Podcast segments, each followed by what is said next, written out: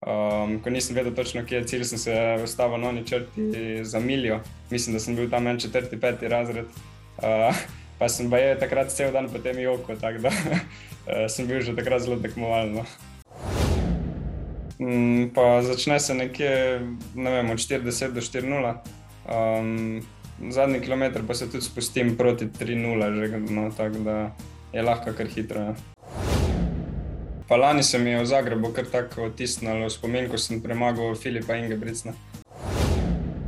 Uh, konec sezone pa jaz mislim, da mi bo cilj tudi, da grem kako cestno tekmo, pa da se spustim po to mejo 29 minut. Uh. In uh, zdaj vem, da moram pa celo sezono trenirati, če lahko potem naslednjo leto se spet udeležim te oslovilne zabave od sezone.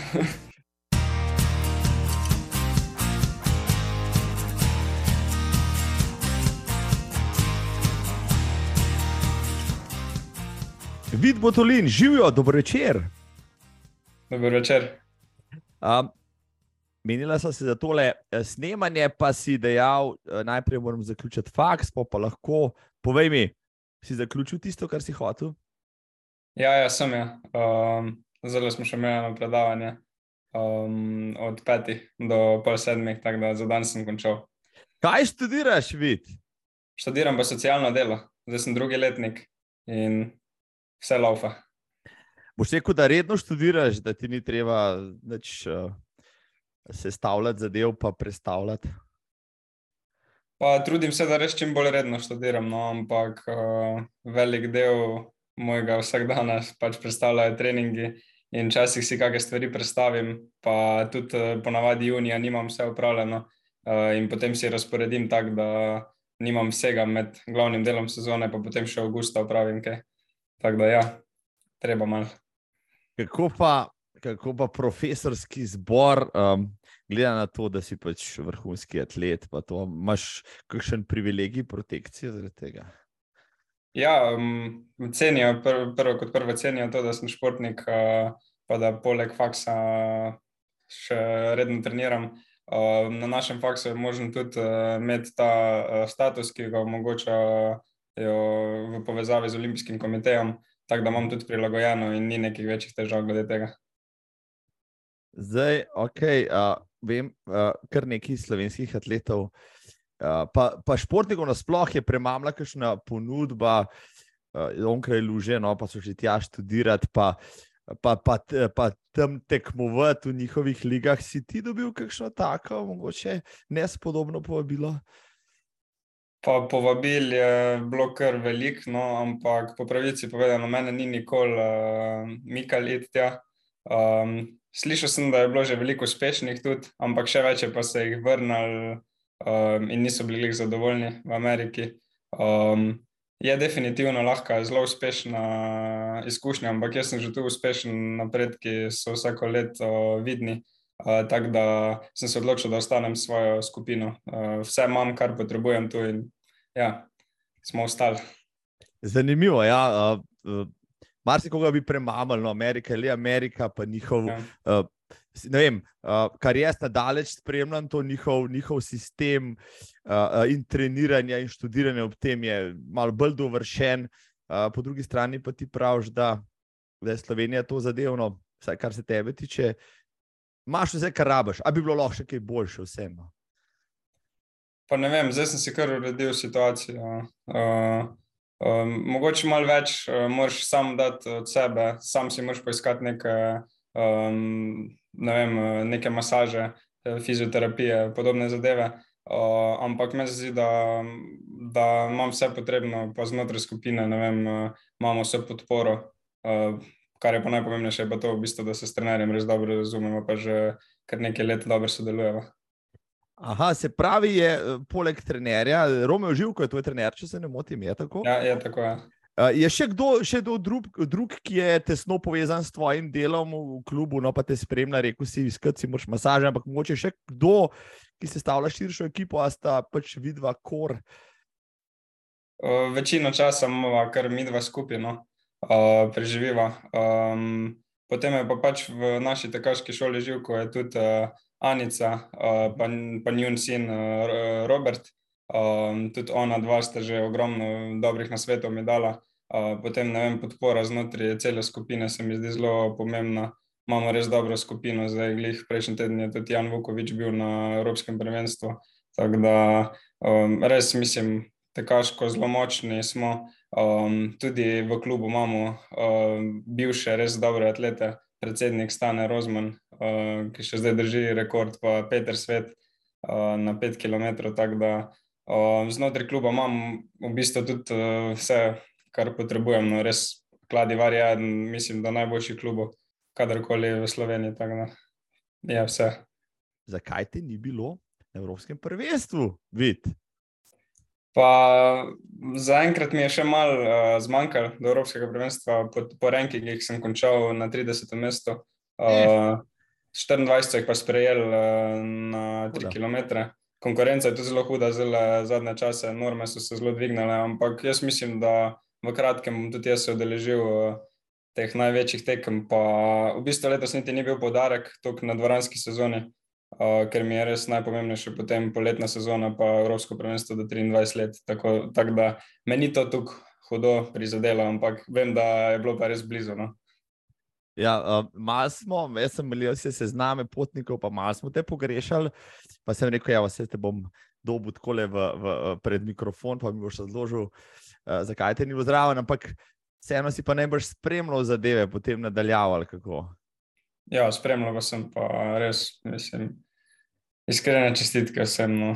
Um, slovenska atletika, mislim, da se kar zelo fajn dviguje. Pa uh, to, da smo spet v tekih po dolgem času na srednjih progah dobili medaljo, je res nekaj velikega. Um, Tina šute, tako ali tako, rastura vedno. Uh, zdaj pa še Anita se je priključila tej res eliti, eliti. Tako da, noro. Uh, ja, in tako, kar malo presenetilo, vsem spoštovanjem, no, ampak vseeno je konkurenca 800, bog pomaga. No. To je, to je, mož, rekel, ena moče najtežjih, vsaj kar se mene tiče, pa kar spremljam. Uh, kaj si pa ti pri fantih spremljal, recimo, kaj si imel highlighte tega prvenstva?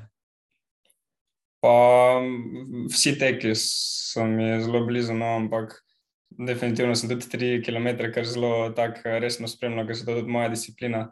Uh, naprimer, ne vem, Elzan Bibič uh, je bil tretji uh, na koncu, več tekem smo že skupaj tekla, lani smo celo v cilj pretekla tako zelo blizu, tako da uh, očitno, očitno se da, no, uh, kaj naj rečem, tudi na Balkanu se da dobro trenirati in to je že kar enih par tekačev čez celotno zgodovino dokazano. Um, vse, vse srednje proge pa so bile zelo močne no, in uh, res je bilo fajn spremljati. Uh, če bi te postavili na štart, recimo teka na 3000, ja, pa gledal si, kje, kje, katero mesto, za katero mesto bi se boril, no tako realno zdaj le. Zelo težko rečem. No, že, že odvisno, kje skupini bi bil. No. Prva skupina je bila veliko počasneje, so veliko počasneje tekli. In je v bistvu šlo, uh, sam tisti, ki so se avtomatsko vrstili, so prišli v finale, je naprimer izpadel tudi tekač za 7,42. Uh, v drugi skupini so pa naprimer tekli osebne rekorde za 7,52, 53 pa so prišli v finale. Jaz mislim, da sem sposoben tudi uh, takega teka, um, blizu tudi našega članskega rekorda v zunaj. Uh, in mislim, da bi se lahko s tem tekom potem tudi uvrstil v finale, če bi bil v drugi skupini. Pol v finalu, pa koliko bi mi pa še ostalo moči, pa težko rečem zdaj za enkrat. No, nisem še uh, te, odtekel dve tako močni tekmi v kratkem času. No. Koliko je, bilo, koliko je bilo med kvalifikacijami in finalom uh, Lufta vmes? En dan, ampak prve kvalifikacije so bile zjutraj, um, finale pa popoldan. Ja, se, treba, se moramo tudi mi na to navaditi, no? ker bojo velike tekme. Če uh, greš na veliko tekmovanje, kdaj ne rajš tečeš, do povdne ali zvečer, ok, zvečer je finale, jasno, da rajš zvečer, ampak a ti ustreza do povdne tudi tek ali manj? Pa meni se zdi, da mi malo manj, uh, ampak sem tudi navaden no, do povdan uh, tekmovati, ker tudi treningi uh, med vikendi, tisti glavni, so pri nas vedno do povdan. Uh, pa skoraj vedno res upravim dober trening, tako da sem navaden tekmovati tudi do povdan, sem že v teku dobro tekme tudi dopolnjen, tako da gre. No, zdaj pa, uh, prej si omenil par zanimivih imen z kluba, pa tudi uh, par zanimivih tekmovanj, no, preden nadaljujeva. Jaz tukaj um, sem si zabeležen tvoj opis, ki mi je zelo všeč. No? Uh, pa se rekel, za tiste, ki te morda res ne poznajo, mi je v čast in veselje, dragi, vid, da si se odzval na tole, na tole v bilo, tale pogovor. Uh, leto nazaj smo imeli eno. Uh, rekel, kroglo mizo, ja, z ja. več atleti si bil zraven, smo se malo pogovarjali, ampak se rekel, slej, ko prej te moram dobiti samega, ker pri zdaj pa že 20 letih ne, je pa tvoje ime že tako pogosto, ne samo v medijih, tudi na ustih. Rekel, uh, uh, tekaških legend v Sloveniji, medtem sem, ko sem se zadnjič videla, sem gostil tudi sveta v Trozmanu. No? Um, in oba dva, oba dva sta, primek Botulini, zgorila večkrat, no, sem rekel, evo, zdaj bo pa še vid. Povedal sam, kdo je vid Botulin, se sprašujete, tisti, ki mogoče pozorno ne spremljate mladinske atletike, do zdaj, zdaj tudi naprej članske, ja, 20-letniki iz celja. Član Kladivarja trenira atletiko že od petega leta starosti. Seveda je uh, najbolj uh, prepoznan po teku na srednjih in dolgih progah.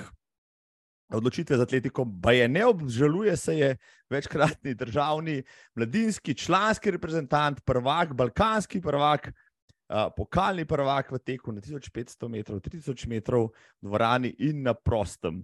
Porušil je že več kot deset državnih rekordov za uh, dosegel svojih ciljev, nabiranje medalj pa je pripravljen trenirati tudi večkrat na dan. Koliko krat mi bo povedal, um, in že omenjeni ja, rekorderji na progah 5000, 10000, tudi 3000 metrov v Sloveniji ga pozorno spremljajo, saj ga vsi imajo za njihovega naslednika.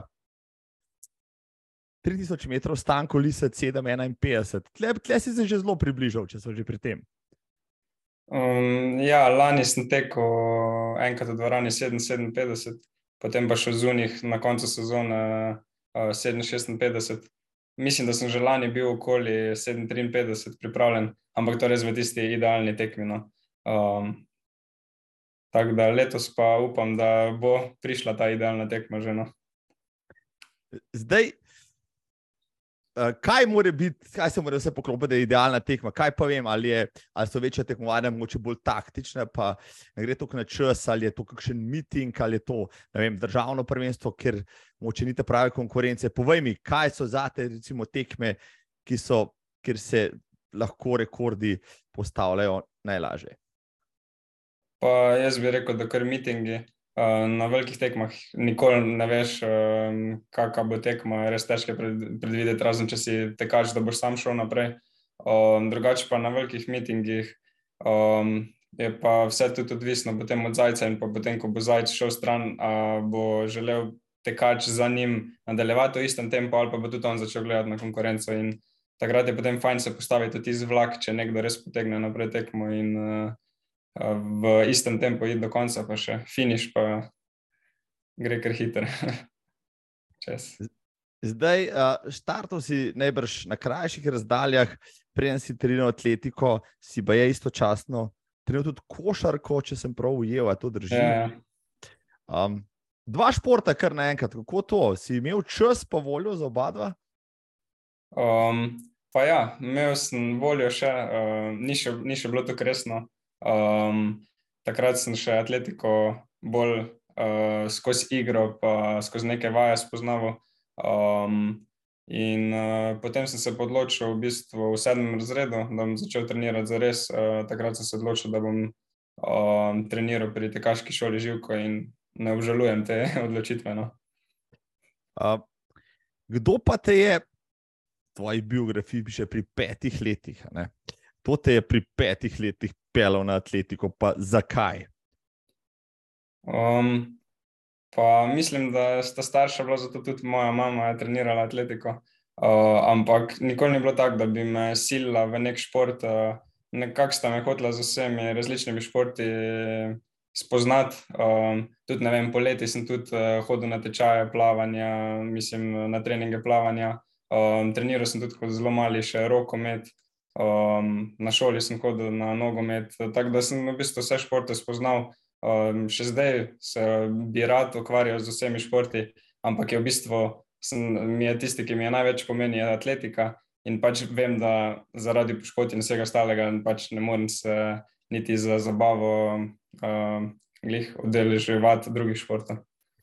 Um, no, praviš, vsi športi ne boš hitro usvojiš nov šport, če se ga lotiš. Recimo, če ti rečem, vem, um, če bi te dal vodo, pa rekel vaterpolo, pa bi ga tudi hitro usvojil, ali pa golf, ali pa kaj tasga, ker si vem, naravno športnik ali kako.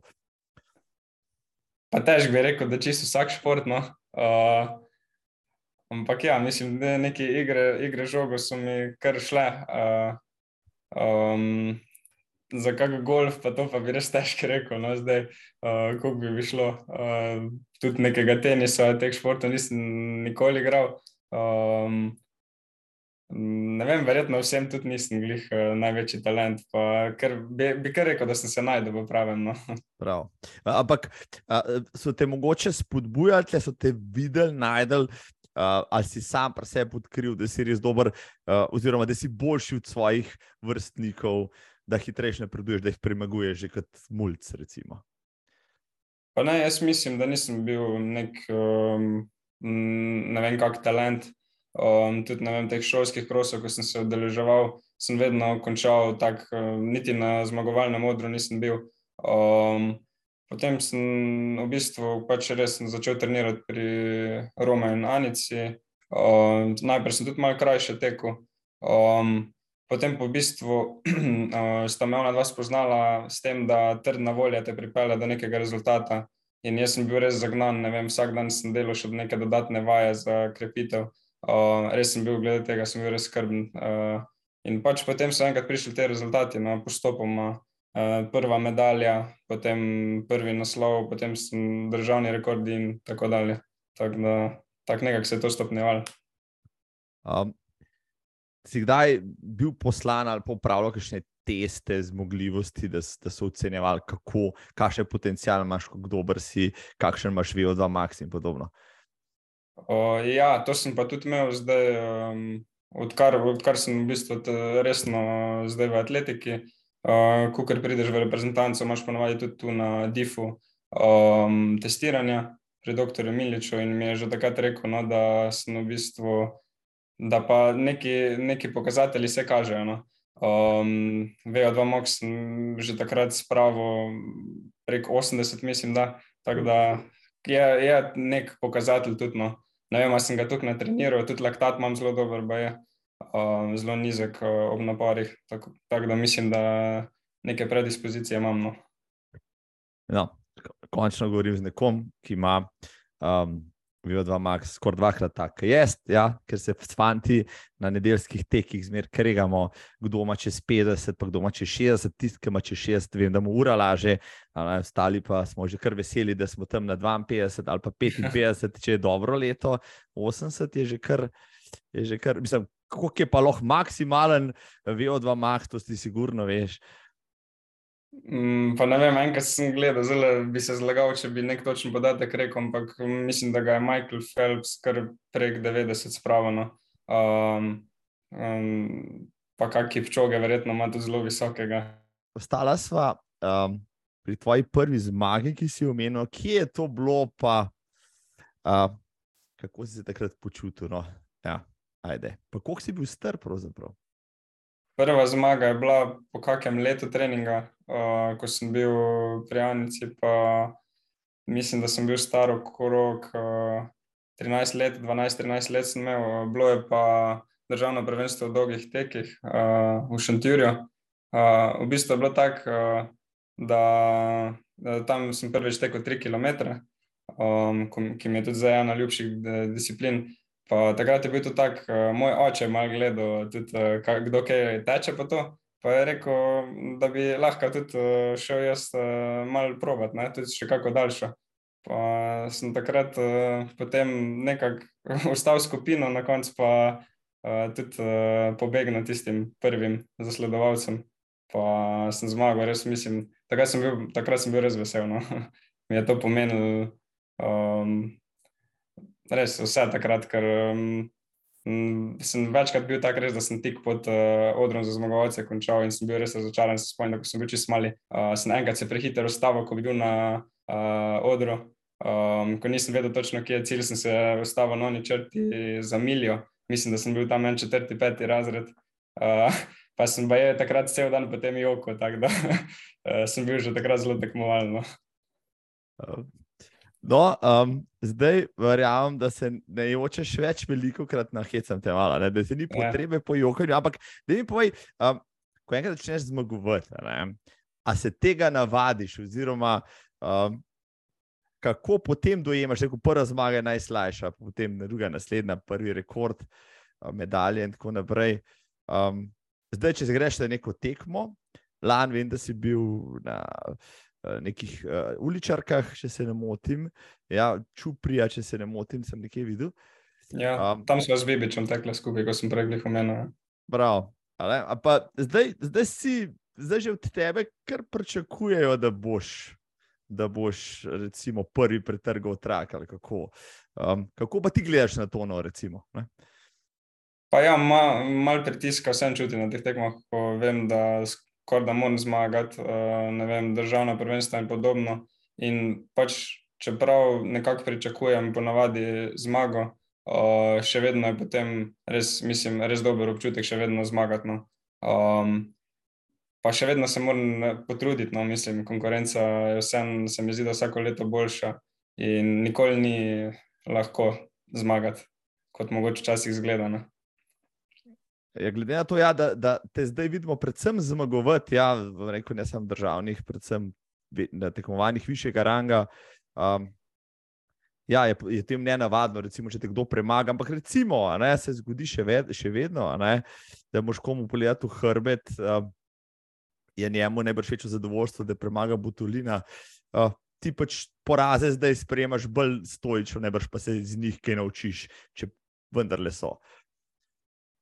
Ja, jaz mislim, da me porazi, potem sam še dvignejo nekako to jezo, potem preusmerimo to, da uh, probam najti uh, tiste nekaj, mislim, proučiti tiste neke napake, ko sem jih naredil, pa sem zaradi tega pač potem sam še boljši. Uh, naslednjič, na naslednji tekmi to probam odpraviti. Pa zaenkrat se je to pokazalo kot v bistvu uh, pozitivna stvar. No. Um, Reč, rečem pa lahko, da težko sprejmem no, poraz, ampak ga, ga predelam, uh, ker sem zelo tekmovalen, ampak ga predelam tudi vedno vsakemu lepo čestitam. Ne kažem tega na vzven, ampak v sebi sem pa kar ponavadi jezen. Ja. Um, Mislim, najbrž je, mislim, tudi jeza sama po sebi, ravno na tem romskem prvenstvu. Uh, vem, da ti na šute ni bila najbolj zadovoljna s pač, srebrno medaljo, ampak je to pač jasno pokazala, potem tudi predelala. Ne, in, in, in, uh, ampak jasno, ne, če greš tja kot favorit ali pa na eno tekmovanje, pa si poražen. Um, vendarle ne moreš mimo tega, ne, da ne bi pač bil jezen na sebe, če si kaj zafrknil ali pa še na kakšno drugo stvar. Ne. To je sestavni del tega, najbrž. Ne. Ja, se strinjam. Mislim, na takih velikih tekmah, predvsem, uh, pričakuješ res uh, ponovadi, da boš iztisnil vse, kar se da. Ampak moramo se zavedati, da, tudi drugi, da si tudi drugi želijo uh, to doseči. In zato je še tukaj težje zmagati na teh tekmah, ker to so res sami profesionalci na najvišjem nivoju. In uh, vseeno, kar je dosegla Tina, je še vedno res uh, najverjetno rezultat. Katero je največje uh, tekaško ime, s katerim si kdaj rekel, meril uh, uh, podplate na stezi? Mm, pa lani se mi je v Zagrebu kar tako otisnilo spomin, ko sem premagal Filipa Ingebrigtsa. Uh, v bistvu je bilo tako, da je on potem odstopil, ampak takrat, ko sem že šel mimo njega, uh, je on v bistvu um, par metrov zatem, ko smo, ko smo naša skupina šli mimo, je on odstopil. In, to mi je en tak vseeno lepih spominov, ker vem, da sem šel mimo njega. No. Filip, aj Filip, oni, ki furo te brke, hecne. Ne, ne, ta je ta srednji brat, ko je bil, uh, tretji je bil na svetovnem prvenstvu. Um, pa evropski prvak je že tudi bil. Um, pa kar nekaj časa je držal ta uh, družinski rekord in pa njihov državni rekord. Mislim, ja, to, to, to je lep skalp. Uh, Filip Ingebrigtsen, evo, fanti, zdaj uh, Butulin prehaja še po ostala dva, kot smo temu rekli. Ja, upamo, da tudi na Jakova. Ja.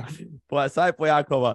Povej mi, nekaj bi zmer zanimalo. Ne? Uh, okay, tek v dvorani, tek na prostem, to sta skoraj dva različna športa. Ne? Kaj so glavne razlike, recimo? Ne? Mi povej ti, ki si bil v močnih konkurencah, velikih tekmovanj.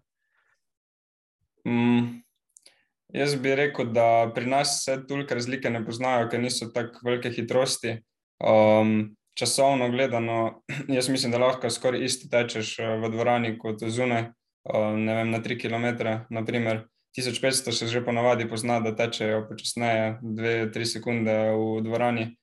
Um, ampak ja, na 3 km pa kar podobne čase um, dosegajo uh, ti posamezniki. Uh, Drugač bi pa m, predvsem ta uvinek se mal pozna uh, pri večjih hitrostih, še toliko bolj. Um, pa krajši krok, uh, ne vem, mogoče lahko za psih, psihično za koga mal drugače. Uh, če razmišljaš, ne, da imaš 15 krogov ali pa uh, 7,5 je že lahko razlika, ampak vem, včasih je mogoče celo zato, ker je tukaj krajši krok, meni včasih celo hitreje mine v dvorani. Uh, Težko bi rekel, meni je približno isto. Um, isto se meni zdi. No. Kaj pa sam, recimo, na gib uh, uh, uh, proge v dvorani, posebej na štartu ali pa tako naprej, pri kakšnih prehitevanjih se to čuti ali niti ne? Ja, načeloma se čuti pri kakšnih prehitevanjih, uh, ponavadi imam jaz v glavi, da se pripravim na to, da bom, če bom napad izvedel, da bom to naredil pred ovinkom, da ne bi izgubil tiste dodatne moči. Um, to je mogoče tista edina uh, stvar, ker bolj, ko greš na vem, drugo, tretjo progo, večji nagib je. Um, drugač pa, ja, prej sem še mogoče pozabil povedati, da je veter edina taka lasnost, no, ko, uh, ko nam v dvorani ne nagaja, tako da tudi za kakšne solo teke uh, se lahko prej odločimo v dvorani, kot v zunih. Uh, kaj pa sama uh, odzivnost, recimo, uh, proge kot take, recimo zunaj tartan, tle pa še vendar le to neka konstrukcija, uh, neka odbojnost je večja. Ne vem, to mi ti mi pove, jaz sem včasih. Ampak 20 let nazaj v dvorani gledal še en miting, to je skoraj da vse valovalo, pa ropotalo, pa tako naprej. Zdaj so te tehnologije najbrž boljše, pa vse, vse je najbrž razlika, če je stvar uh, fiksirana zunaj ali pa noter postavljena in tako naprej. Ja, mogoče uh, včasih se je to še bolj poznalo, da, so, da se sliši vsak korak, ko so ga naredili. Tudi zdaj v Zagrebu, naprimer, uh, s, če, če je tišina med gledalci, se kar precej lahko sliši, da tekmovalci uh, tečejo na progi. No. Um, ampak Ja, glede samih občutkov, pa ne bi, ne bi rekel, da je kakšna razlika. Mogoče tudi zato, ker sem lahek tekač, pa pri nas srednje brogašek se to ne pozna, verjetno. Mogoče printerji to bolj občutijo, težko bi rekel. Uh, rekel si lahek tekač, koliko kilogramov imaš za svojih, koliko več kot 180 cm? Ja, visok sem nekje 184, težek pa nekje 68 kg. To je, je to optimalna teža tvoja, bi lahko tle še kaj korigirati na gor, na dol? Um, pa jaz se zelo dobro počutim pri tej teži. Uh, to mi je tisto najpomembnejše. Drugače pa nekje pravijo, da večinoma tako poprečijo tekači imajo na dolge proge, nekje višina minus 120, to sem večkrat slišal že to računico, pol pa uh, pet gor dol je verjetno še vse uh, dovoljeno. um, Dobro, ja, 120, lepa. Se ja. mi pa zdi, da predvsem zdaj, zadnje leta, je vedno več tudi eh, močnih tekačev, pa malo težjih. Um, ker veliko tudi, ne vem, predvsem v Ameriki uh, delajo na moči. In, uh, jaz mislim, da je pri, pri enih tudi to prednost, tudi na dolgih tekih. Ja, glede na to, da so ameriški stredni progaši kar uspešni no, na velikih tekmovanjih, ja, pa, pa izgledajo tudi bolj korpulentni, kot so včasih. Ja. Uh, boste mogoče tudi, uh, rekel, evropski tekači začeli v svoje trening protokole vključevati vem, več treninga za moč ali kaj takega? Jaz mislim, da marsikdo je že. No. Uh, je pa lahko kar velik problem pri uh, treningu za moč, potem da pride do preforsiranosti in pa raznih poškodb. Uh, je pa za neko eksplozivnost, uh, pa sam finiš, to definitivno nek plus. No, pa če so že pri moči, pa, pa, pa mišicah in vsem tem, um, večkrat, rekel, prekršni, zelo izenačeni tekmi, se na progi zgosti ta koncentracija tekačev. Um, ampak na, na, na, na televiziji se ne vidi dobro, včasih kdo pade, včasih še en komolec leti. Kako je pa to v praksi? Se je kaj dosti prerivanja telesnega kontakta, je to problem? Ali je bolj, bolj to izjema, ki je pravilo? Um, na velikih tekmah je kar problem, uh, ker vse to, kot sem že prej rekel, vsi si želijo na velikih tekmah, uh, um, vem, prvo v kvalifikacijah si, si želijo finala, vsako pride na Evropsko prvenstvo, ni prišel se sam pokazati. Um, potem v finalu si, si želijo mm, boja za medaljo. Uh, in ja, potem, ne vem, ti si lahko pred startom rečeš, da se boš postavil na to in to pozicijo, ampak to si lahko reče tudi ostalih pet, in uh, vsi ne bomo mogli biti na isti poziciji. Tako da, um, ja, na teh tekmah je malo večkrat, kdo stopi uh, na šprinterce, uh, te malo spotakne, malo porine. Uh, tako da se moraš kar znajti. No. Um. Se ti že zgodila kakšna taka nezgoda, da si mogel zaradi tega, da si izgubil čas ali pa celo stopil z proge? Uh, Um, nekaj resnega na srečo ni bilo. Uh, bilo je veliko tega prerivanja, ampak to še v tistem tempu, ko še nismo uh, tekli na nošno. Uh, in uh, na srečo zaenkrat še ni bilo kaj hujšega. Um, zdaj mi je prišlo prerivanje, uh, mislim, da je bilo 76. iz Montreala v glavo, ko je ko je Lase Viren padel na 5000, mislim, da potem se je pobral in na koncu dobil olimpijsko zlato. Um, ne vem, če se to danes, če se je danes kaj takega sploh še lahko zgodi, glede na to, da je konkurenca danes pa res, res uh, izenačena. Katera je tvoja najljubša disciplina ta trenutek? Um, pa ta trenutek bi rekel 3 in pa 5 km. Um, tri je tako. Uh, tako fajna disciplina, no, kar se tiče uh, tega, da res, da res kar hitro mine. No. Uh, pet km je pa že malo dlje, treba stiskati zobe. Ampak glede na to, da sem zdaj v članskih kategorijah, mi je tudi 5 km zdaj v zunih glavna disciplina. Um, mogoče sem pa res najbolj navaden na 3 km, ker sem največkrat v življenju uh, tekel, poleg 1500, ampak sem se bolj izkazal no, na 3. No, najbrž si tudi eh, na 800 se probal, v mlajših letih, kasneje 1500, uh, vendar si neke uspehe na teh razdaljah, imaš vsaj na 1500. Uh, pa ja, na 1500 še zdaj um, praktično um, skoraj da več tekem tečem, kot na 3 in 5, da, ker na teh daljših se vsem potem poznaš, uh, potekmi, regeneracija je mal daljša. Uh, In tudi na državnih prvenstvih ponavadi tečem 1503. Uh, da 1500 mi tudi kar leži. In tudi pomembno mi je za daljše discipline, da imam to hitrost uh, za konec tekme.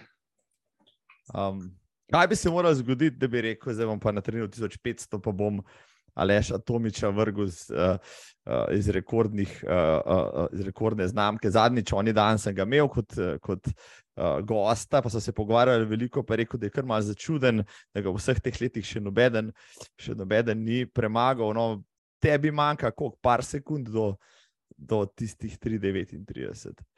Ja, jaz mislim, da sem lani že bil nekje optimalni tekmi, 3,42 bi lahko že tekel um, ker sem 3-43 tekel lani, par dni potem, ko sem na 5 km, 10 minut potek mi še ležal na tleh, uh, tudi cel teden sem bil čisto utrujen. Tako da um, mislim, da um, tudi jaz bom imel v planu, da pod 43 preko sled tečem, ker je to pomembno tudi za daljše razdalje in pač če hočem konkurirati z najboljšimi v Evropi se moram kar krepko spustiti tudi na 1500 pod to mejo 340. A hočeš reči, da je to kolateralno posledica, se pravi, tvojega ključnega treninga vem, za tri ure, je v bistvu 1500 uh, dopolnilno in boš s tem, ko boš treniral za 3000, hitrost razvijal in 1500 potem tudi izboljšal. O, ja, je v bistvu. No, mojega, večina mojega treninga je posvečena, mislim, glavni fokus je na 5 km in 3 km, ampak ogromno poudarka damo mi na treningu tudi hitrosti. Mislim, vsaj trener, s trenerjem gledamo na to, da ne pozabim delati hitrost. Um, in iz tega treninga se da potem dobro teče 1500. Ja, no, zdaj boš, boš nam, lajkom, rekreativcem, malo razložil, kaj je to pri tebi, recimo, trening hitrosti, oziroma kako izgleda ena, bomo rekel, en treninški teden, no, tako da si lahko predstavljamo, uh, čisto grobam. Ja. Pa ne vem, odvisno, ne vem, če zdaj gledamo prav za 1500 metrov trening, so to mogoče kakšne 300 v tempu, uh, tempu te razdalje, ki bi ga rad tekel. Um, um, pa še ponavadi malo hitreje, mora biti. No. Uh, kar se pa samih sprinterskih treningov tiče, je pa pri meni uh, ni glih tisto, da imam sprinte z dolgo pauzo, uh, ker še vedno moram biti navaden na kratko pauzo, pr, mislim na dolgih. Uh, tekih nimaš pauze mestna. Um, tako da pri meni so ponovadi to neke 60, stotke, uh, ko jih imam pa tudi po več, lahko tudi po več kot 30 komadov. Ker hitrih, ampak ponavadi ne začnemo na najhitrejšem tempu, zadnjih nekaj, pa ponavadi potem mal, uh, mal hitreje. Tekač svojega kova trenira koliko krat? 12 krat, večkrat na teden? Um, pa zdaj že kar nekaj časa treniram, um, po 13-14 treningov na teden.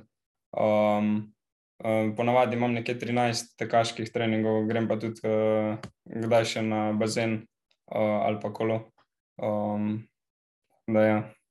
Se pravi, uh, zjutraj vstaneš, prva stvar je, da nekaj poješ, greš na trening ali kako, potem vmes počivaš, oziroma se ukvarjaš z drugimi stvarmi, študijem, pa popoldne še enkrat, kako to zgleda. Ja, je nekako tako, zjutraj se zbudim, uh, probam čim prej nekaj pojesti. Uh, motivirati se za trening zjutraj je vedno malo težje, uh, malo težje iti na trening. Uh, noge so tudi prvi kilometr še kar mal težke, uh, kot da se še nisi čist zbudil, ampak uh, v bistvu, če veš, uh, zakaj, zakaj si šel na trening, ni nikoli problem. Um, ampak res je ta motivacija najpomembnejša. Po treningu ponavadi imam uh, faks, uh, potem kosilo, uh, počitek, uh, priprava na nov trening, trening pa potem je ponavadi glavni trening popoldan, um, zvečer pa spet večerja, pa kar hitro potem provam iti spat. Um, zdaj, kdo bi ti rekel, joj, Botolin, ampak ti bi bil lahko še precej boljši, če bi se ukvarjal samo s spanjem, treniranjem, prehranjevanjem in počivanjem, brez vseh ostalih motilcev, ki si jim reče, faks, pa druženje, pa ne socialna mreža, hecam se sicer. Uh, ampak um, kaj, kaj ti misliš? Uh, bi, bi dejansko, če bi bil profesionalec, no, rečemo, te, uh, v polnem pomenu te besede, da bi počel samo to, uh, bi se to poznalo, bi bilo kaj boljš, ali ti to, kar imaš zdaj, dejansko pomaga, da si vsem komplementaren, pa jih tako dobro. Um, pa jaz mislim, da se, če si discipliniran, da se da tudi uh, uh, na res visokem nivoju trenirati. Uh, um, moraš si res prilagoditi cel dan, da boš imel dovolj počitka. Jaz grem vedno spat še popoldan um, in po noči tudi spim 8-9 ur um, tako da počitek je res tisti najpomembnejši. Um, kar nekaj velikih imen je, tekaških je že tudi dokazalo, da se da doštudirati nekaj, uh, tudi medicino in podobno. Um, mislim, da glih ta uh, Laura Muir, ko je zmagala zdaj uh, na 1500, mislim, da je celo medicino doštudirala. Um, že od večjih sem slišal, da se da, tako da um, če si discipliniran, se definitivno da, je pa, uh, je pa lažje, verjetno, če uh, nimaš nekih drugih uh, motečih dejavnikov in se res posveti samo temu. To je moje mnenje. Um, če boš, ko boš doštudiral, jasno, boš še v atletiki. Um, Razmišljaj že tako naprej, da boš rekel, da okay, je pol manj pa poklic, zdaj bom pa nekaj let samo atletiko uh, uh, drgnil, pa se z njo ukvarjal, pa se potem preusmeril v druge vode. Ja, jaz mislim, da bo nekako takno. Um, zelo težko rečem zdaj v tem trenutku, ampak uh, ja, rad bi normalno končal faks, potem bomo pa videli, kakšna je situacija. Uh, definitivno mi je pa cilj, da ostanem v atletiki, pa m, tekmujem na najvišjem nivoju. Tvoj najtežji trening, recimo, um, ki ti gre, ko slišiš za njega, da ga moš res na bruhanje skoraj. Ja. Um, pa jaz bi rekel, da hrib uh, je moja največja šipka točka. Um, mogoče tudi zaradi moje same tehnike, ki tečem zelo na celo stopalo, že v bistvu kar na peto. Uh, hrib pa moraš kar dvigovati fejs kolena in že skoraj teč po, mislim, kar teč po prstih. Uh, to mi je tak najtežji trening, tega vedno, vedno ga dobro naredim, ampak se pa po koncu ponavadi kar čutim, da mi je laktat udaril v glavo. No, in je, je, je fajn občutek to. No. A, mislim, delate tudi še intervale v klanec, ki je tazga? Uh, ja, delamo ponavadi um, nekje od 200 do 300 metrov, manj kot 200 metrov, redko kdaj. Um, če pa je, pa je potem kar precej hitro. No. Mislim, da sem bral v neki knjigi v Kenicih, ko so vprašali enega takrat tistih časih boljših, boljših kenicov, kjer mu je najljubši trening, pa je rekel 30 krat 300 metrov klanc, takoj ko je zadnje ponovitve konca. Ja, tako nekako. Ne. Ja. Kaj pa tvoj najdaljši, najdaljši tek, recimo dolgi tek, kako pa to zgleda? Um, jaz še nisem več kot 22 km, še nisem pretekel. Um, ne, v nedeljah pa imam redno uh, te dolge teke, um, ki so pri meni ponavadi dolgi med 18 in 22 km. Uh, v nekem zmernem tempu začnem, pa ponavadi progresivno, um, hitreje končamo na koncu. Zdaj pa čistko, no, ilustrativno, začneš s kašnim tempom, pa zaključiš s kašnim, samo tako da spet da mačken vse uh, primerjavo. Mm, pa začne se nekje ne vem, od 40 do 4,0. Um, zadnji kilometr pa se tudi spustim proti 3-0, no, tako da je lahko kar hitro. Ja. Dobro, ja. Teh, ne bom več tega sprašal, ja. ker se tudi ne znam polzračunati, kje sem se. Um, Državnih naslovov imaš kar nekaj, rekordov imaš kar nekaj. Tvoj naj, največji uspeh ali pa največji trio uspehi, evo, se ne imaš na Instagramu v opisu nekaj napisano, ampak ti sami povej, kaj je zate, tist, recimo tri stvari, ki, na katere si najbolj ponosen, da si jih v atletiki usvojil? Um, zdaj, v, v kratkem lani mi je res veliko pomenil ta naslov balkanskega prvaka, uh, članskega balkanskega prvaka. Um, te, ko sem tudi hitrej, kot moj trener, začel smal. To mi je bilo najpomembnejše. On je bil drugi najhitrejši na razdalji 3 km v dvorani, uh, 7,58, jaz sem pa tekel 7, uh, 57, 98, tako da sem, uh, tako da zdaj samo še buč pred mano v dvorani. Um, ja, uh, ta tekma mi bo, mislim, da kar vedno tako ostala v spominu lepem. Potem tudi uh, moj prvi nastop na ekipnem uh, prvenstvu um, Evrope, uh, na Evropskem ekipnem prvenstvu v Stari Zagori, kjer sem tudi uh, podaril mladinski rekord od Staneta Rozmana. Uh, takrat sem tekel 8.04 in ti si bil tudi čas, um, tretji najhitrejši čas v Evropi, takrat med mladinci. Um, tako da to se mi zdi tudi, da sem kar visok postavil uh, neko letvico. Um, um, potem pa um, ostale, ostali rekordi so mi pa res da skoraj enakovredni. Mogoče tisti prvi, ko sem podaril Stanetu Rozmanu, uh, 18 rekord mi je tudi zelo velik pomenil, ker je bil res nek tak uh, večji dosežek. Uh, um, bo pa, ja, ne se je čisto odmislil zdaj. Uh, mi je mogoče celo najpomembnejši dosežek do zdaj, tretje mesto na uh, EOF-u, uh, na mladinskem festivalu Evropske mladine, ko sem bil tudi edini v slovenski reprezentanci, ko sem dobil medaljo takrat. Tis mi je, tis mi je eden najlepših na no, spominu, tako da sem skoraj odmislil. Baku ali Azerbajdžan ali ja, ja, nekje. Gor nekje. Ja. Ja. Ja, takrat takrat uh, se spomnim ene novičke, ja, da si bil edini medalist. Takrat smo bili pol, res sem jaz pozoren na te, sem rekel, da ta poba bo še nekaj obetano, potem pa si začel pobirati te naslove, naslove kot da stavo. A šteješ ne, zmage, šteješ rekorde, šteješ naslove. Um, ne prav zapisujem si jih, ne. Zdaj, če bi šel čez spomin, bi mogoče lahko, ampak uh, raj me ne zdaj tako spraševati v tem trenutku. Uh, Spomnim se, ko sem imel kriv, sem ga vprašal, koliko državnih naslovov je osvojil, pa je streljal z glave, rekel 39. Ja. Ja. Mislim, da je v takrat še kakšnega dobu. Um, saj za rekorde, mogoče veš, koliko jih imaš. Uh, za rekorde bi tudi zelo težko rekel. Um, vem pa, ker, mislim, ker sem večkrat tudi podaril na istih razdaljah in sem pol zdaj v glavi, bi se s temi številkami mal zmedel.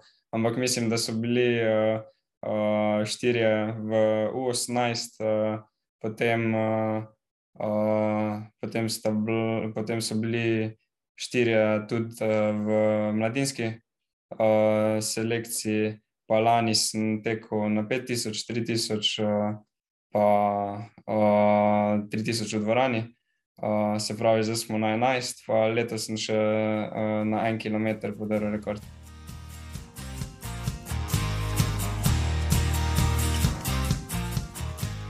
Um, mislim, da sem v tem podkastu omenil še tri tedne nazaj, da sta se dejala Žan Rudolf, pa, pa, pa še tale mladi atlet za požgaj. Ja. ja, tako požgaj, tako za tisti kilometr, da stotinke je šlo. No, uh, V Tulinju. Povedal sem takrat, da ta rekord bo v tej sezoni še padel, no, pa si ti prišel, pa si zdaj požagal tisti, pa si rekel, fanta. Ja, sorry, no, ampak jaz sem boljši. Uh, kakšen je zdaj eh, državni rekord na, na en kilometr točno? Uh, zdaj sem tekel 2 minuti 24 sekund in 66 stotink, če se ne motim. Um, um, ja, mislim, zadovoljen sem bil, ker sem, smo rekli, da gremo še na eno krajšo razdaljo. Glede tudi zaradi tega, da bomo v tej sezoni lahko kako dobro 1500 tako tekli. Um, ko smo slišali, da je pač v Zagrebu, da so dal um, en kilometr se nam je zdela ta dobra priložnost. Um, vedel sem, da lahko zelo hitro tečem, pa v tej tekmi vem, da bi lahko tekel še hitreje, ker um, začetek ni bil spet toliko hiter in uh, sem po koncu tekme še videl neke rezerve. Decembra si bil uh, na, na Evropskem mestu v Krosu, je tako? Ja, tako je. Um, Ja, kros, zdaj pa tako, malo stezo, malo cesto, pol pa pridemo na krostle, pa kot da bi šel krompir urati ali pa pobirati ali pa noro. Ne. To je pa čist posebna disciplina. Um, vem, posebnosti krosa so kaj, preživeti, ne se spotakniti, pa, pa vse tiste klance premagati. Pa, vem, povej mi, kaj je to najči, največji izziv pri tej disciplini.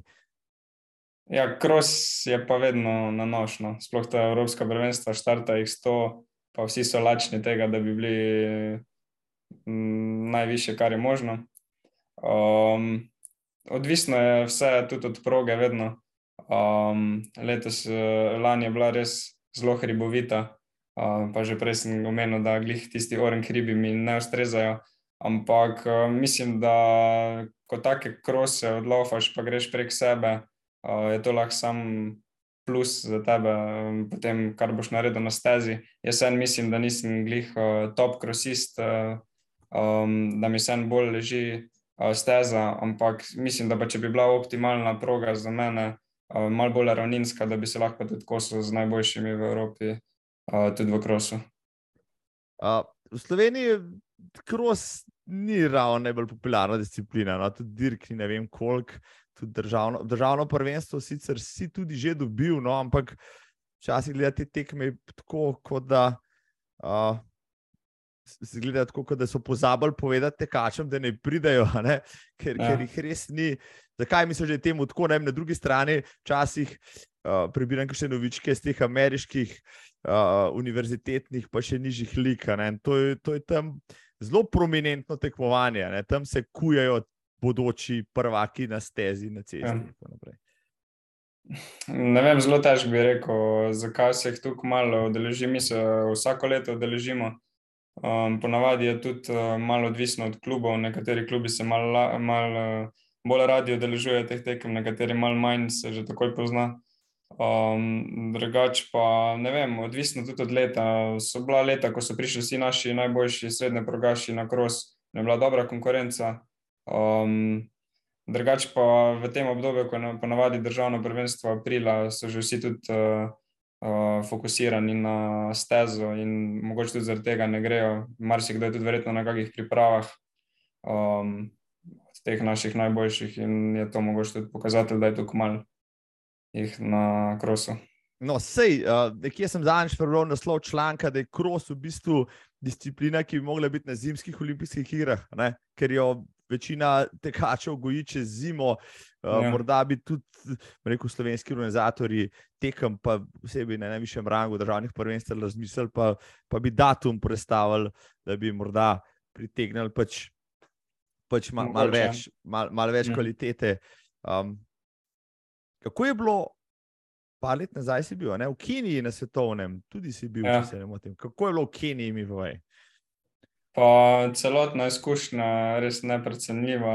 Um, tudi sama tekma, sem ogromno odnesel od nje.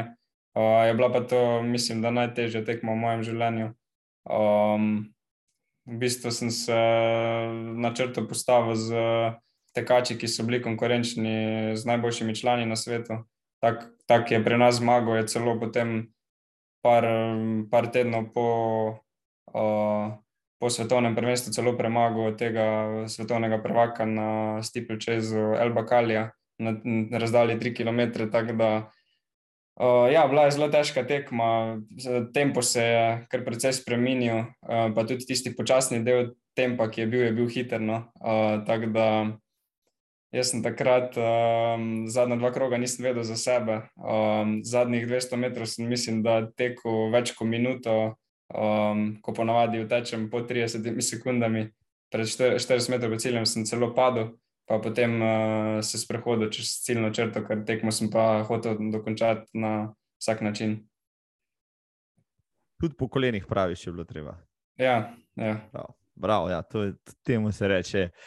Ja. Uh, ta pravi spirit. Uh, kar neki sveta si že videl zdaj zaradi atletike? Ja? Kje vse si že bil v takih malce bolj eksotičnih, nenavadnih krajih?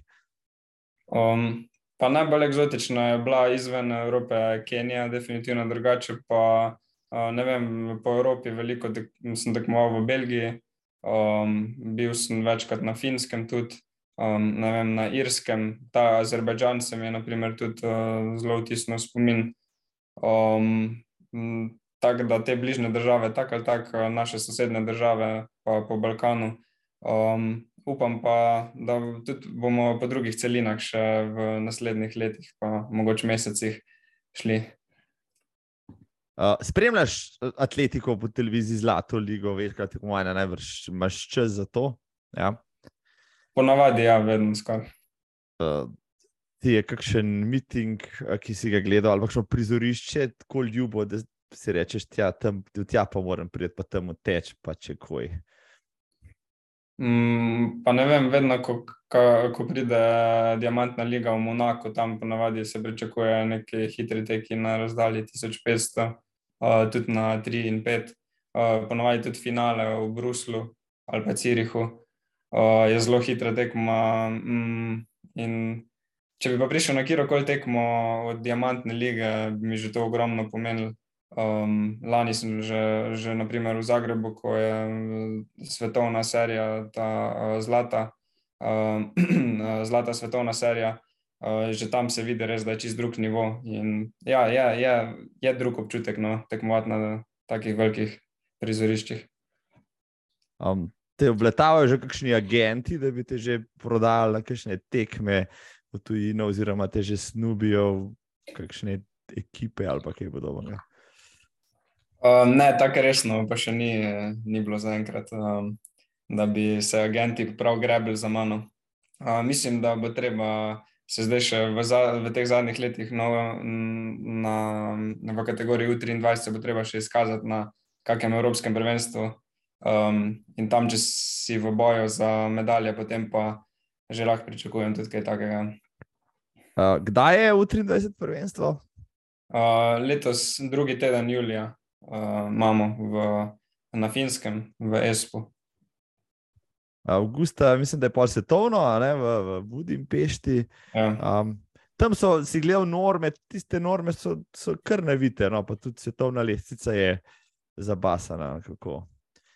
Um, ja, norme so kar zanimive. No. Um, pod 13-10 je treba teči 5 km. Uh, glede na to, da je že 50 let uh, od rekorda Petra Sveta, pa da je to še vedno več kot 20 sekund do uh, te norme, um, nam lahko pove, da je to za nas uh, res težka norma. Ampak mislim, da preko rankingov in preko nekih dobrih tekem, če imaš dobrega menedžerja in podobno, da se da priditi tudi, um, ne še verjetno letos, uh, ampak v, potem v bližnji prihodnosti mi bo pa to definitivno cilj, da tudi jaz pridem na svetovne prvenstva. Ok, rekel si, ja, da 48 let je zdaj od sveta, ja, 13, 32, ampak 13, 41 se vseeno sliši zelo zelo blizu. Ok, 9 sekund na stezi je neskončno dolgih, najbrž, ne? ampak no, um, zdaj imaš kjer peti, šesti čas v Sloveniji vseh časov. Ja, mislim, da, da peti rezultat, um, da imata Stanko Lisec in pa Rozman, uh, oba 2, 13, 40, 13, 41, ma, malo boljši od mene. Um, potem je še moj trener, um, pa potem Peter Svet.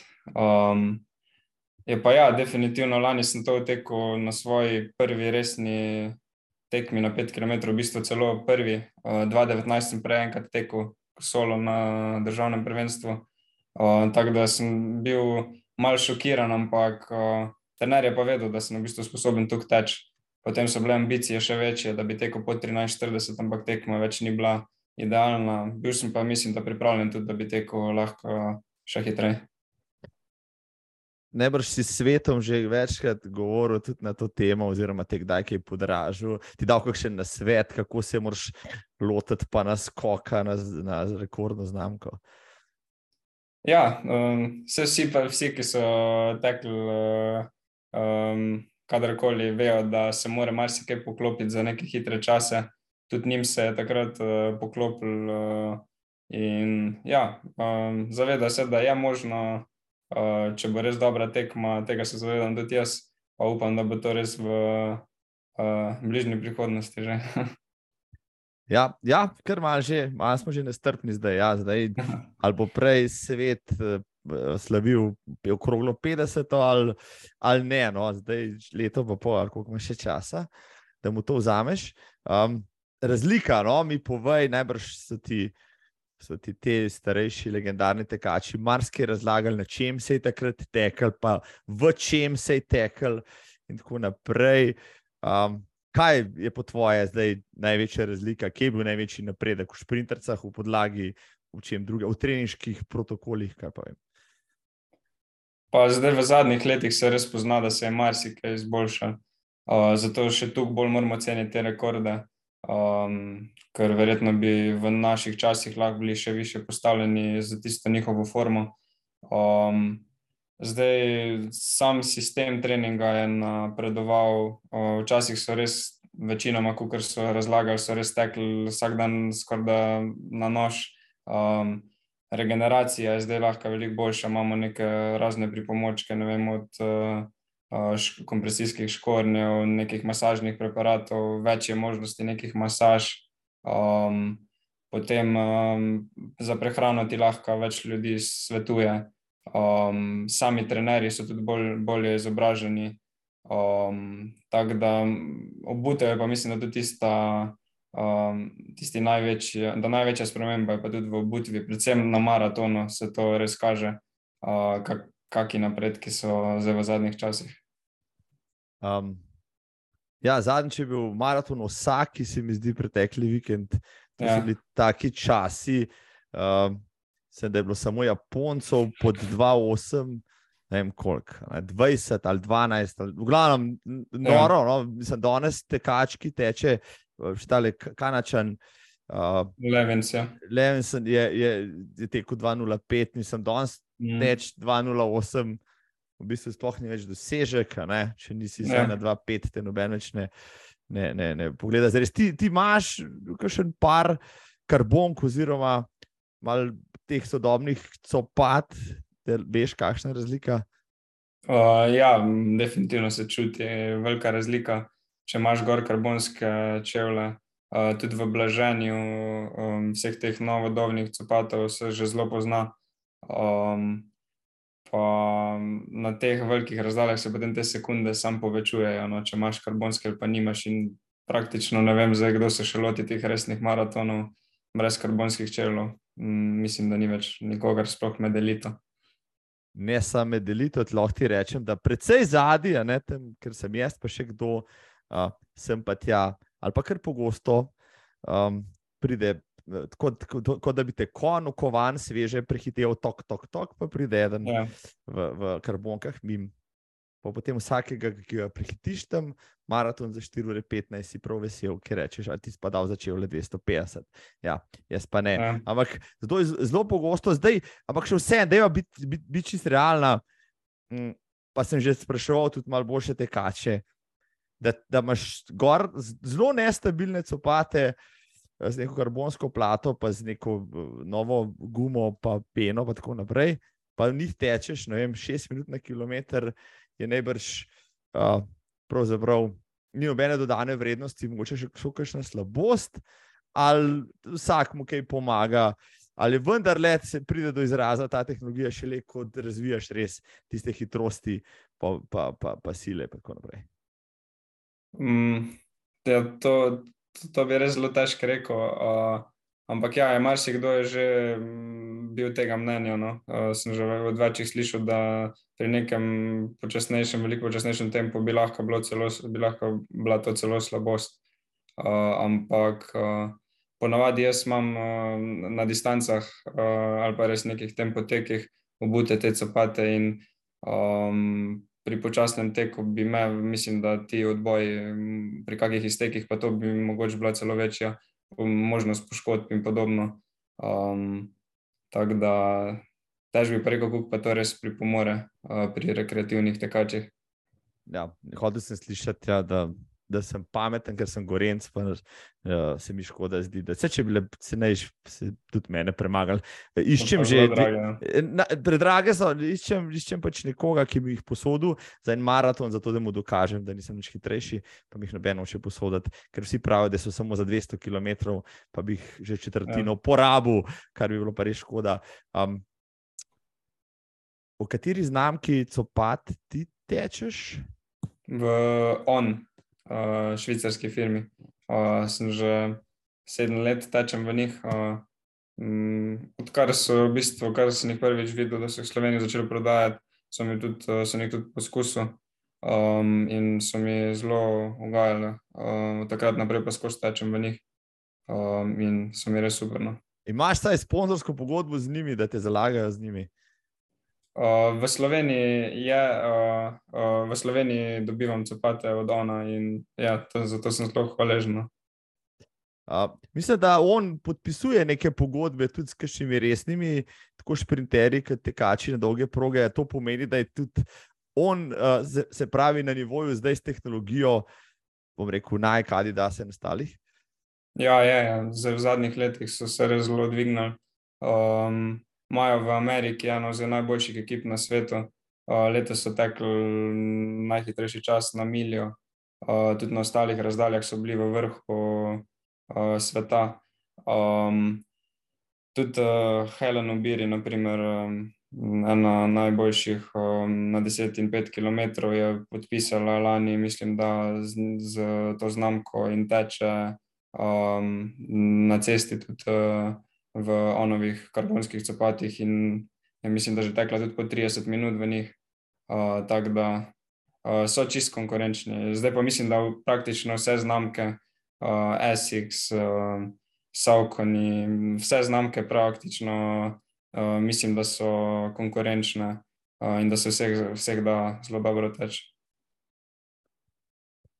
Ja, ti, sem ta, lepo je, se lepo spremljati atletiko, ko padajo rekordi kot za stavo. Ja, od, vem, od 800 metrov do maratona, ne, pa 100 km in tako naprej. Ja.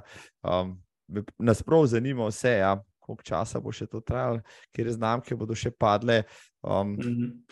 ali svetov 13-32 ali Rozmanovih 28-32, če bi dal na tehtnico svet, še vse malo zmaga, ne? če bi rekel v nekih tablicah. Um, ja, po tabel, ja, jaz mislim, da je mogoče malenkost zahtevnejši, um, ampak je pa vsem uh, 10 km je daljša razdalja in je tudi zaradi tega še več stvari se more poklopiti. No. Uh, in sta, mislim, da kar zelo primerljiva rekorda, uh, oba dva res na visokem nivoju. Uh, po tablicah uh, prinese več točk, uh, svetov rekord, ampak ja, glede na vse to, kar sem prej rekel, je pa mislim, da sta zelo primerljiva rekorda. In oba dva sta zaslužena že kar nekaj časa, najboljša tu. Ja, mislim, da mi je Rozman takrat rekel, da je bil pripravljen v boljših časih, da bi šel še krepko po 28. Ja. 30, pa mu pa to ni uspelo. Koliko je tvoj čas, če si se kdaj resno poskusil na desetki? Um, jaz imam od leta 2019 teko 31, 39 na cesti. Um, na, na minusu takrat, uh, to je tudi rekord uh, za mlajše mladince. Um, zdaj pa jaz mislim, lani sem tekel eno tekmo celo na 10 km, uh, pa nisem prišel do konca. Eh, bila je tekma v Madridu, ko je na koncu zadnja dva km hrib in mi je noge tukaj zakislo, da nisem več mogel teči. Sem pa obrnil prvi, eh, sem pa bil na 8 km še v času za 28, 40, 45. In v bistvu sem se tudi dobro počutil, če ne bi bilo hriba. Jaz mislim, da sem bil sposoben teči eh, krepko pod 29 minut. No, to pa je že rezultat, ki ga že dolgo nismo videli v Sloveniji. Sedaj je kriv, pa ko besta tekla, malo še z 29, um, po 29, pa ne vem, no, res, res že 28, ki nisem dolgo videl po slovenskem ja. atletu. Se pravi, boš tudi na desetki letos kaj poskušal? Um, do te glavne tekme v Juliju, definitivno ne um, ker bi lahko bilo tudi malo tvegano. 10 km je vseeno malo daljši in če te zakisa, tako se meni prejšnji zgodilo, rabiš potem kar veliko regeneracije, predn spet prideš v tisti polni trening. Uh, konec sezone pa jaz mislim, da mi bo cilj tudi, da grem kako cestno tekmo, pa da se spustim po to mejo 29 minut, uh, kar precejno. No, letos bo za te biti, se pravi, zanimivo leto. Na kaj ciljaš na kaj ciljaš na, na, na U23 prvenstvu? Um, pa meni je vedno cilj na teh tekmah, uh, v moji starostni kategoriji, na evropskih gledalcih, mi je vedno cilj medalja. Um, tako da uh, v bistvu zelo bo vse odvisno od naslednjih dveh, treh mesecev. Uh, treba je res trenirati, uh, uh, program bo zelo zahteven in uh, to je treba preživeti. In jaz mislim, da bo pa dobra sezona. Uh, za koliko naprej zveš trening, ti to, da uh, romajo tedenski plan, ti vsak dan posebej pove, imaš to daljno, dal, daljši plan, kot to zgleda? Um, načeloma tre, za treninge zvem isti dan ali pa mogoče dan prej, uh, razen če nas čaka res kak test trening, uh, um, konc tedna zvemo, uh, mislim začetek tedna zvemo za konc tedna. Um, odvisno tudi, uh, kak se mu trening dopade, če je kak tak. Uh, specifičen trening, mi ga noče zaupati do zadnjega trenutka, da bom potem, da bom mogoče kdaj videl moj izraz. Uh, um, ampak uh, načeloma uh, že tudi pričakujem, kakšne vrste trening me čaka, uh, se pa še vedno najde kak trening, ko, ko ga ne pričakujem in me kar fajn preseneti tudi uh, z njim. To se pravi, uh, kot to zgleda, ti prideš na, na stadion, tam te počaka trener, pa reče: danes vam pa nekaj presenečenja za te, evo gasa. Uh, ja, včasih je tako nekako. Ja. Uh, um, na vsak trening moram priti pripravljen, no, tako moram reči. Uh, ni za tisto, da na nek trening lahko prideš uh, brez neke motivacije, ker uh, na vsakem treningu me lahko čaka nekaj tako udarnega. Je, je pomembno, da je trener v bistvu na treningu prisoten, za razliko, če bi ti rekel, zdaj bi pa na stadion, pa ne vem, nared 20x200 ali pa nekaj takega. Uh, ja, jaz mislim, da je vseeno razlika. Um, dva, mislim, jaz na Romu res hvaležen, ker mi je on v bistvu uh, vsak dan na voljo, več čas mi je na voljo. Tudi uh, kadar sem v Ljubljani, pa moram kak trening sam upraviti, v bistvu, ali pa s fanti, ko skupaj treniramo v Ljubljani.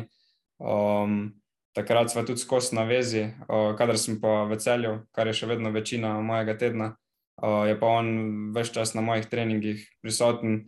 Uh, najbolj pomembno je pa to v bistvu z vidika tega, ker me on že tako dobro pozna in ve, um, koliko je še rezerve, um, ve, kdaj me mogoče malo zaustaviti, um, pa kdaj mi lahko mogoče kaj doda.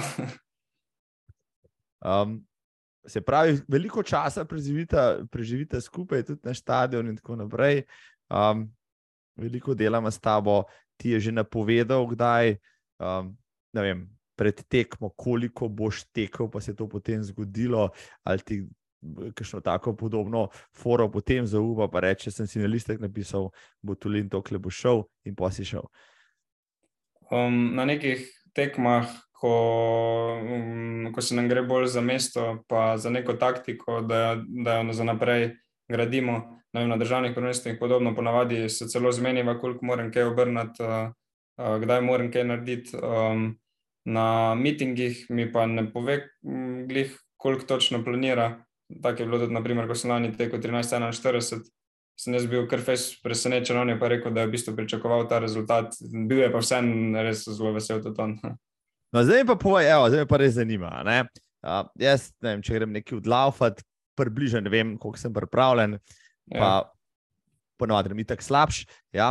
Uh, ampak uh, kako pa pri tebi to zgleda, kakšno imaš to taktiko, rekel si sam sebe, si presenetil. Razloži mi, štartaš z nekim tempom, potem ti pa reče, ne vem, tam pojači, tam spusti zadnji kilometr do daske, kako to zgleda.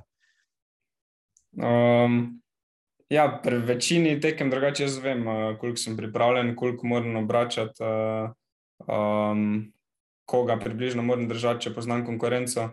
Um, na tisti tekmi na 5 km je bilo pa tako, da je v bistvu bila to moja prva tekma na tej razdalji in zaradi tega sem mogoče bil mal nesiguren, kje točno bi se postavil. Sem imel pa res dobro tekmo, um, vedel sem, da sem na dobri formi in nisem se tukaj sploh oziral na čas, sam postavil sem se znotraj skupine um, in tam je potem kar steklo. No. Potem, ko pa je težkrat, ali sem si pa rekel, da moram stati zraven. Um, Je, uh, je ponavadi je tako. Ja. Oh, oh, ko mi čakam, no? ko mi čakam tole sezono, res, ja, da bom, bom spremljal zdaj zelo temeljito te rezultate. Uh, zgodovina se piše tam v celju, res dobro delate. Kdo je še v sredini, praviš, ekipa je, fanti, ste, trenirate, Vukoviča si že omenil, kdo je še, no? kdo se stavlja zdaj to glavno jedro srednje, dolgo progašal tam. Uh, pa v naši skupini je še uh, že 7-8 let, odkar treniram tu, sem več čas skupaj uh, s Sebastianom Bašom in Baumanom Borom. Um, ona dva še zdaj resno trenirata z mano.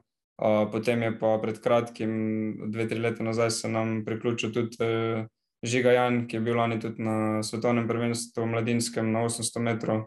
Um, večinoma je to naša skupina tudi uh, zelo uh, dober uh, turni smočar. Uh, maj pritržnik je bil zdaj uh, četrti, peti na svetovnem mladinskem prvenstvu v turnem smočanju.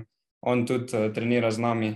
Um, imamo tudi zelo dobro žensko ekipo. Um, um, hčerka od Rome uh, podira rekorde kot zastavo um, in ima tudi zelo dobro skupino uh, znotraj te. Tako da smo res dobra skupina, veliko je zelo dobrih atletov, pa verjamem, da velikih bo še prišlo, velikih bo te še naredila. Um, upam pa, da bomo ti fanti, ki smo prej našteli, da bomo še kar nekaj časa ostali skupaj. Uh, ja, veliko sem govoril tudi z atleti ta, uh, vseh, v reku, starostnih kategorij v Sloveniji. Vsi pravijo, da ekipa je uh, uh, res božji dar, no, da, da, da če si sam, pa če moraš sam neki drgant da je to neprimerno težje, ker enkrat v en dober dan, enkrat drugi, da se motiviraš en drugega. Kaj pa v Ljubljani si rekel, imaš tudi neko svojo ekipo, s katero se, katero se vključiš? V bistvu je tako, da zdaj so tudi, um, da zdaj tudi uh, Bauman Bor um, študira um, in z njim se uskladiva za te treninge, takrat, ko smo oba v Ljubljani. Um, Lani, lani sem se pa kar še veliko vozil tudi v celje, ker sem bil edini v bistvu v tej starosti, ki sem bil m, mm, več dni v tednu v Ljubljani. Um, tako da takrat sem pa res dal prednost temu, uh, da naredim trening skupino. Je bilo pa res malo lahko, kdaj naporno, glede vožnje pa tega. Uh, ampak očitno sem kar uh, uspešno tudi to sfolgo. Zdaj, sigurno, jaz se spomnim svojih študentskih let, uh, pa že takrat sem malo tekljiv, pa tako naprej, ampak te, ali če tega, da bi to počenjal redno, če je kaj drugega prišlo vmes, pa velikrat je kaj drugega prišlo vmes, uh, ti si rekel, moraš biti discipliniran, jasno. Ne? Koliko no. imaš še časa v tem, poleg vseh obveznosti, ki jih imaš, da se mogoče sprostiš, zabavaš, socializiraš in družiš, ali so pač to, kar si zdaj imel v treningu, tvoja glavna socializacija, da se je stalo, pa niti nimaš časa, niti ga pač si ne, ne smeš in ne moreš vzeti. Um, ja, za zabave in tega pri meni ni že v bistvu od srednje šole dalje. Uh, sem dal, mislim, da kar vsem uh, vedeti, da žal ne morem. Uh, jaz sem se odločil, pač, da bom uh, uspešen v tem, kar počnem, in zavedam se, da tudi ostala konkurenca po svetu in pa vem, v Evropi um, trenira uh, resno. In pač, če hočeš biti boljši od njih, moraš res vsak trenutek izkoristiti uh, vem, za regeneracijo. Um, in vem, zvečer, ko so zabave. Uh, se moram zavedati, da zjutraj me že čaka nov trening, in vsaka tista minuta je lahko včasih pomembna, uh, ki jo posvetiš regeneraciji. In, Um, tako da za druge oblike socializacije ni, ni časa, no, razen kar je znotraj faksa um, in pa treninga, uh, kaj drugega pa ne. Se pravi, niti ne pogrešaš tega, ker imaš začrtano pot in toliko dela, da itak nimaš časa, misliš, na trperije. Um, pa ne, uh, imam se fajn na treningih, uh, rad delam to in uh, uh, res je fajn feeling, ko narediš neki, uh, narediš nek dober rezultat. Um, in takrat je to, mislim, da premaga vse tiste, prekaša vse tiste neke zabave, ki jih bi deležen. Kako, kako si pa recimo proslavil recimo, zlato medaljo na Balkanskem prvenstvu ali pa ja, še kakšno drugo odmevno zmago? Um, pa tisti dan smo, malo smo se podružili zvečer, um, ni bilo pa nič kaj resnega. Zjutraj sem že šel bolj na trening, vedel sem, da še ni konc dvoranske sezone.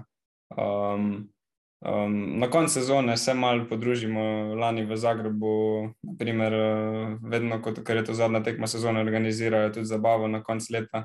Takrat smo se odeležili tiste zabave in smo se fajn imeli. In uh, zdaj vem, da moram pa celo sezono trenirati, če lahko potem naslednjo leto se spet udeležim te uh, poslovilne zabave od sezone. to je zelo uh, pomembna zabava, ja, da kjer moraš cele delati. Ja, je ja, malo ja. takih zabav, ja, ki si jih lahko zaslužiš. Um, povej mi, zdaj, če gledaš dolgoročno, ok. Zdaj moraš narediti marsikaj še na stezi, tako maraton ti je tako zanimiva disciplina, imaš nek svoj draž, ki bi se ga nekoč v daljni prihodnosti tudi lotil. Um, Zaenkrat si še zelo težko predstavljam, uh, kako je to teč uh, maraton. Um, pač predvsem v tem smislu, da ga teč res na limitu.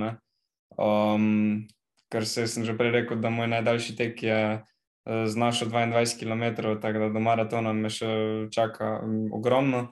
Ampak vseeno pa mislim, da, uh, da me bo mikal, potem, uh, ko bom starejši, da bom tekel tudi maratone.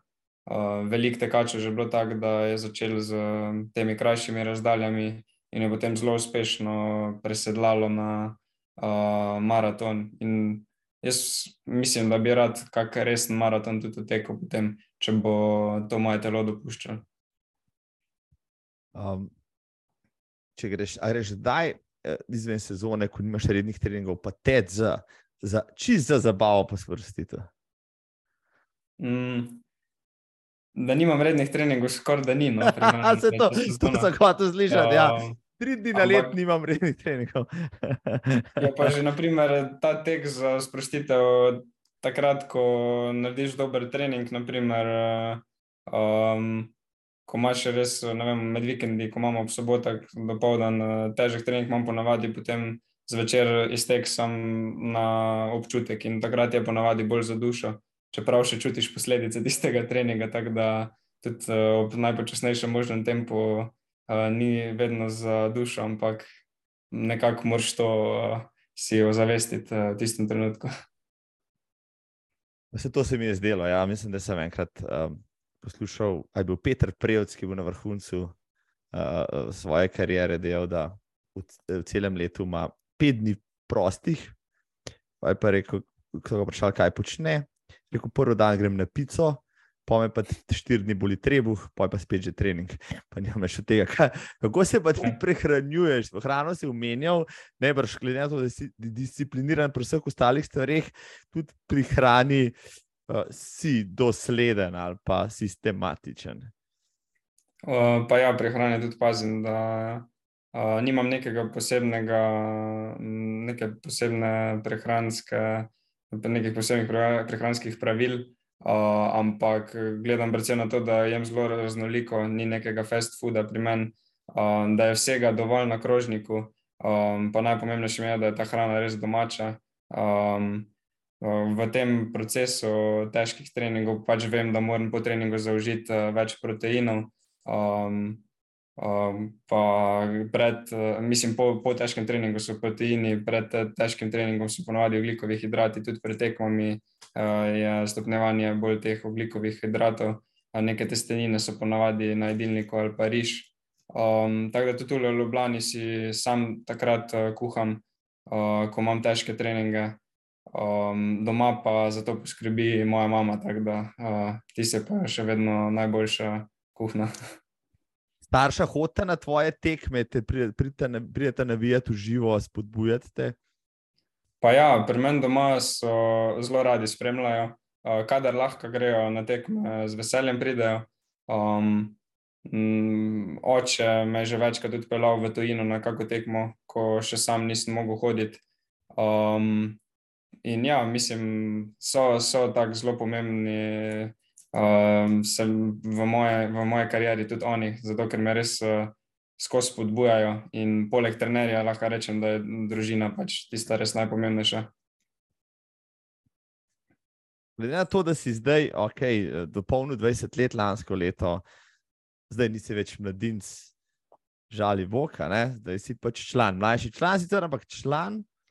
Vem, da se marsikaj kateri od atletov, tudi najbrž tvojih konkurentov skozi leta v mlajših kategorijah in v Sloveniji in na svetu, potem ne znajde v članski konkurenci, opusti, kakšen imaš ti občutek, kakšna je tukaj selekcija, uh, če spremljaš zdaj. Dejansko si v atletiki zelo dolgo, veliko so tekačev, konkurentov si imel, koliko vas je dejansko prebrodilo tudi vse te krizne leta, pa vse te prehode. Mm, ja, že, če pogledamo samo uh, štartne liste, vidimo, da je razlika, uh, koliko štarta pionirjev, pa potem članov. Um, ti moji, v bistvu, najhujši konkurenti, uh, ki smo bili že skupaj v uh, mladinskih um, kategorijah, uh, um, Matija Rizmal, pa uh, Tobi Gabršček, naprimer. ona dva sta še vedno v atletiki in še vedno tečete vrhunske čase in se kar fajn ganjamo uh, drug z drugim. Um, ona dva sta pa vseeno ena redkih, ki ste še ostala v tem, uh, ker velik se jih je pa porazgubil. Um, je, je, je težko potem, ker vidiš v bistvu, da atletika se ni šport, uh, uh, kjer, kjer vsak dobi res vem, ogromno denarja in je težko živeti od tega. Um, in me zdi, da res ostanejo potem v, v atletiki tisti, ki najbolj verjamejo v sebe, pa imajo res radi ta šport. Tako da um, v tem času na faksu se jih največ po, porazgubino. Uh, je to bi še v Ameriki? Uh, to bi se letos vrnil z Amerike. Smo zelo že imeli državno prvenstvo skupaj uh, in smo že skupaj stali na uh, zmagovalnem modru. Tako da je še vedno, še vedno v dobri formi in se ne da kar tak.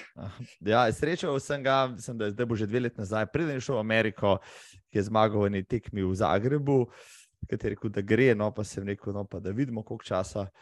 Uh, bo tam pokoril konkurenco, pa že takrat je tekel 10, kot 30. Da, Ja, ga bom tudi enkrat dobil v podcast, pa ga bom še v njega povprašal. O ameriških izkušnjah, ja, ki, za katere ja. si ti rekel, da jih pač ne rabiš, očitno res ne. Um, rekel si, atletike je težko živeti, kaj pa vendarle imaš ogromno stroškov s tem, kar počneš. Čeprav atletika ni smučanje, pa je vendarle draga. Si, uh, vem, da tri glavo v mladi up. Um, kaj bo ostali sponzorji? Težko dobiti kakšne finance. Vem, da ste tudi na atletski zvezi podpisali zdaj pogodbe, ampak to še vedno niso neki denari, s katerimi bi lahko hodil na neke priprave, pa si ne vem, kaj prvoščil zdaj. Um, pa ja, v teh začetnih letih so vedno tu starši, tisti, ki so tvoji neki osebni menedžerji, kako bi to rekel, uh, ki ti vse plačajo. In če se hočeš prebiti med tiste najboljše, uh, gre kar velik, je kar velik stroškov potem na njih ponavadi. Uh, zdaj v teh časih pa se najde vsako leto mogoče kak nov uh, sponzor, uh, in dobim uh, kot neke določene štipendije. Ogromno mi je pomenilo to, da sem dobil od uh, mladih upov. Imam tudi od drugih, uh, um, naprimer, ko sem prej rekel za copate, um, to, kar sem dobival od uh, uh, slovenskega ONA, uh, mi, tudi, uh, mi tudi ogromno pomeni. Um, pa v celju imam še uh, razne sponzorje, ki me sponzorirajo, uh, medicinska pedikura, Anika, pa potem imam uh, uh, sirarstvo Tinka. In mislim, to so tako uh, malenkosti, ki ti ogromno pomenijo.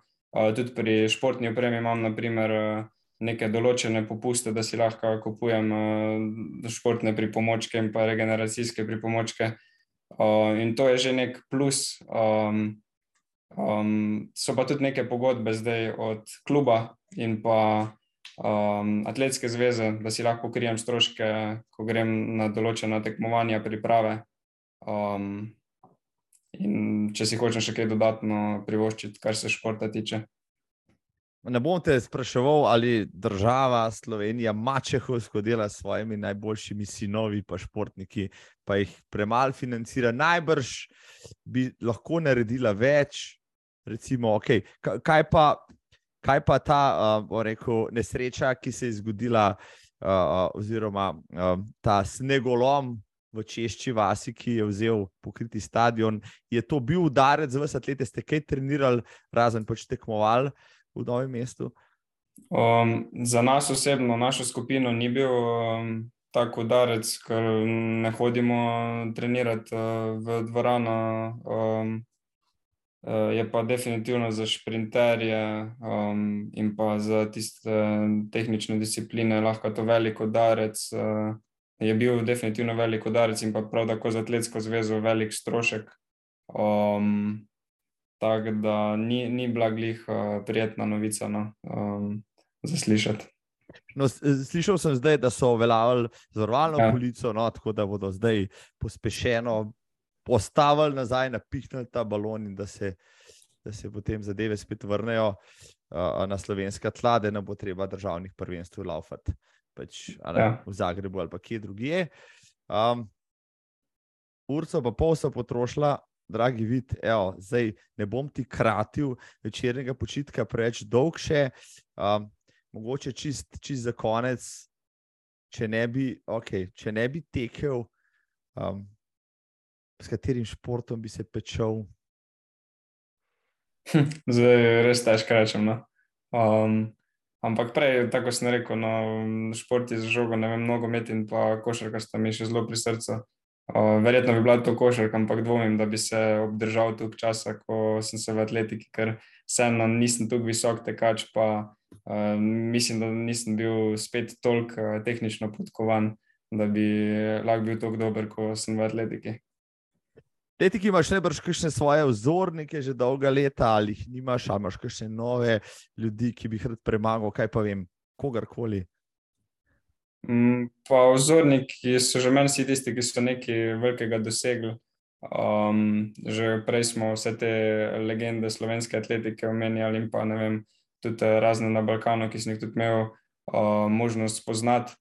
Um, Drugače pa rekel bi, da ko sem bil mlajši, mi je Mo Farah bil naprimer, en, en takih. Zdaj pa tudi dokazuje od evropejcev. Jakob Ingebrigtsen je definitivno en tak, ki je dokazal, da se da premagati afriške tekače. Um, in zdaj vsem drugače gledam uh, na te osebe, um, kot sem, ko sem bil mali, uh, ampak še vedno jih pa res zelo cenim. No. Uh, ja, mo, Marav bo letos tekel zadnji maraton v Londonu. Ravno ja. tam bom, ja, eno skupino peljem, tako da se bomo gledali ta prihod v cilj. Ja, to, to me je zmer zanimalo. Um, kako, kako, kako Sir Mo pri svojih 39 ja, odstopi cilja, svoj še ne, skecam se, se všel nebrž hiter. Ja, še zadnji maraton, ja, to bo zanimivo. Um, vid, uh, veliko stvari so obdelali, nisem, nisem te vprašal če si danes že tekel, ker je bilo to retorično vprašanje. Uh, že veš, kakšen trening imaš jutri zjutraj? Um, Zelo, ko končamo s pogovorom, se bom slišal s trenerjem.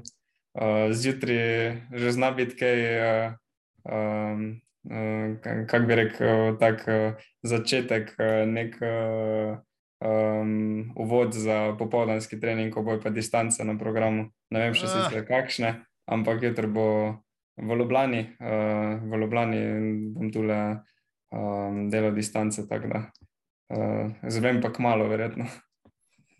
Uh, ja, le. Uh. Sigurno bo kaj dobrega, ne? ali pa še kaj božga. Um, najljubše vreme za tek, vidi, bo tulina je.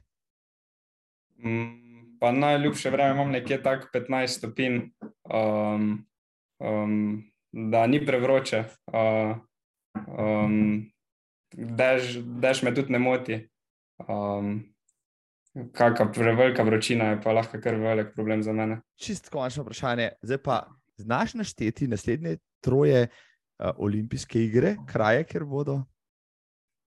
O, uh, naslednje so v Parizu, potem je Los Angeles, naslednje pa ne vem. Mislim, da je Brisbane, Evo, Brisbane 32, ja, če se če me spomin ne vara, tako da lej, lahko bo šel um, v Pariz, sigurno v L.A., evo, na koncu ustrajati, moraš pa še devet let, da bo šel še v Avstralijo. Pol pa. Ja. Pol pa tudi, če nehaš, pač, s, s, s, pa reš na maratone, pol pa še tam podreš slovenski državni rekord. Um, Vid Botulin, tole je bilo. Um, To je bilo zelo, zelo uh, poučno, zelo zabavno, zelo, zelo zanimivo. Uh, Siguren sem te, ki je vprašal, pozabil vprašati, in zdaj, ko bo zaključila, se bom spomnil, da to sem pa pozabil, ampak nič ne de, bova še na vezi, pa te.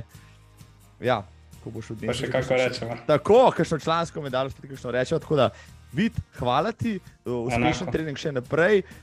Uh, res, spremljam tvojo sezono, želim vse dobro, pozdravljam in ja, ostani za gre za tek. Hvala za povabilo, pa lepo se me. Lep večer, hvala, živijo. Adijo, čau.